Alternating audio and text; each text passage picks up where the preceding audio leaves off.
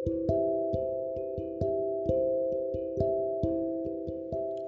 ွန်တော်ဟာလူတွေနဲ့ဘယ်ကအဝေးမှာနေရမယ်ဆိုတာဘယ်တော့မှသိခဲ့တဲ့လူမျိုးမဟုတ်ဘူးကျွန်တော်ကဒူရဲတော်သားဖြစ်တယ်ပိုပြီးဆိုတာ broken family အဖြစ်ပြီးအမေနဲ့ပဲတဘဝလုံးအတူရှိခဲ့ရတာလို့ကြိုက်ကြိုက်မကြိုက်ကြိုက်အခုချိန်ထိကျွန်တော်နဲ့အနီးဆက်ဆုံးကအမေဖြစ်ပြီးတော့အကြာရှည်ဆုံးတငယ်ချင်းရလည်းအမေပါပဲ အမေလည်းအောင်မှာပဲတူရဲတော်သားအဖြစ်တတိတသက်ဒီရွယ်ထိကြီးပြင်းလာတဲ့လူဆိုတော့ကျွန်တော်ပြဿနာပေးယူဆိုတဲ့ကိစ္စမျိုးသိမသိဘူးဒီနေရာမှာပေးယူဆိုတာလို့မကောင်းတဲ့အကျိုးတွေမျိုးကိုပြီးပေးယူနေတာမျိုးမဟုတ်ဘဲနဲ့လူမှုအဖွဲ့အစည်းမှာတမိုးတစ်ခုအတွက်တခြားတမိုးတစ်ခုလေးလေတာမျိုးပြောချင်တာဗျာမြန်မာမိခင်တရားရဲ့ theory ကတော့ရှင်းတယ်သူတို့ကသားဖြစ်သူကိုအစာအဆုံးဖြည့်ဆည်းပေးမယ် ဒါပေမဲ့သားဖြစ်သူရဲ့ဘဝကလည်းသူတို့လက်ထဲမှာပဲအကာအကွယ်ပေးမယ်ဆိုတဲ့ယုံကြည်မှုမျိုးပဲဒီတော့ကျွန်တော်ကတစ်ဖက်မှာလည်းချစ်တော်အတ္တနဲ့ဖိနေတာကိုခံရပြီးတစ်ဖက်မှာလည်းတောင်းတရတောင်းတစရာမလိုတဲ့ချစ်ချင်းမေတ္တာကိုခံခဲ့ရတယ်ဒီလိုနဲ့အသက်ကြီးလာတော့ကျွန်တော်ကလူမှုအတိုင်းဝိုင်းကိုလည်းကျွန်တော်အမေလိုပဲထင်ခဲ့တယ်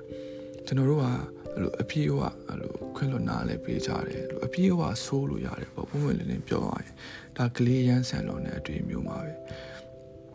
တချို့လူတွေကလည်းကျွန်တော်နဲ့အမြဲတမ်းအတူရှိမှာပဲဆိုပြီးစပြီးတော့အဲ့လို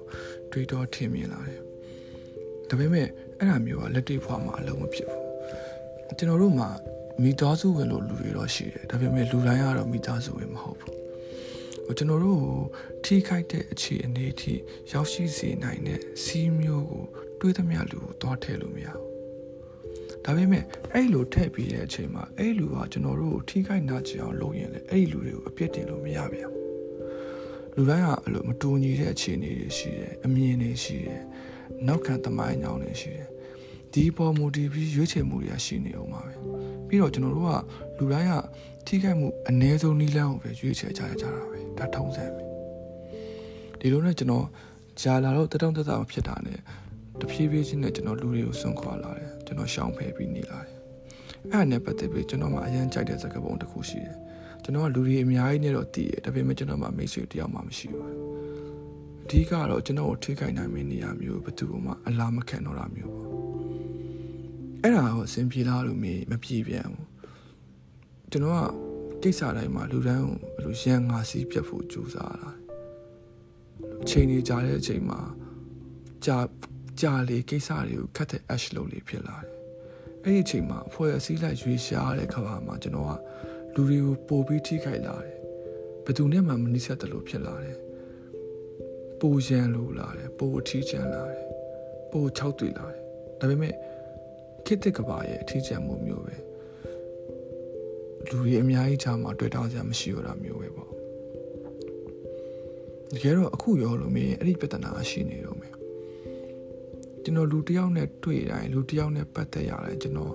ဘယ်အကွာဝေးမှနေရမယ်ဆိုတော့ကျွန်တော်အခုချိန်ထိမသိသလိုအကွာဝေးမှားယွန်းပြီးနေထိုင်ပြီးလို့ထိခိုက်ထိုင်ရရနေတာမျိုးတွေကလည်းအဲ့လိုအချင်းချင်းဖြစ်နေတော့မယ် ဒါပေမဲ့အနည်းဆုံးတော့ကျွန်တော်ကလူတွေနဲ့ဆက်ဆံတဲ့အခါအဲ့လိုအတူတွဲရှိဖို့လိုတဲ့အခါမှာအကွာဝေးဟာအရေးကြီးပြီးတော့သူတို့ရဲ့ဖြစ်တည်မှုနဲ့ရည်တည်ချက်တွေကိုလက်ခံပေးရမယ်ဆိုတာမျိုးကျွန်တော်ကောင်းကောင်းသိနေပြီးတော့ကျွန်တော်အတွက်ပို့ပြီးတော့လက်ခံတတောင့်တတရှိလာစေခဲ့ပါတယ်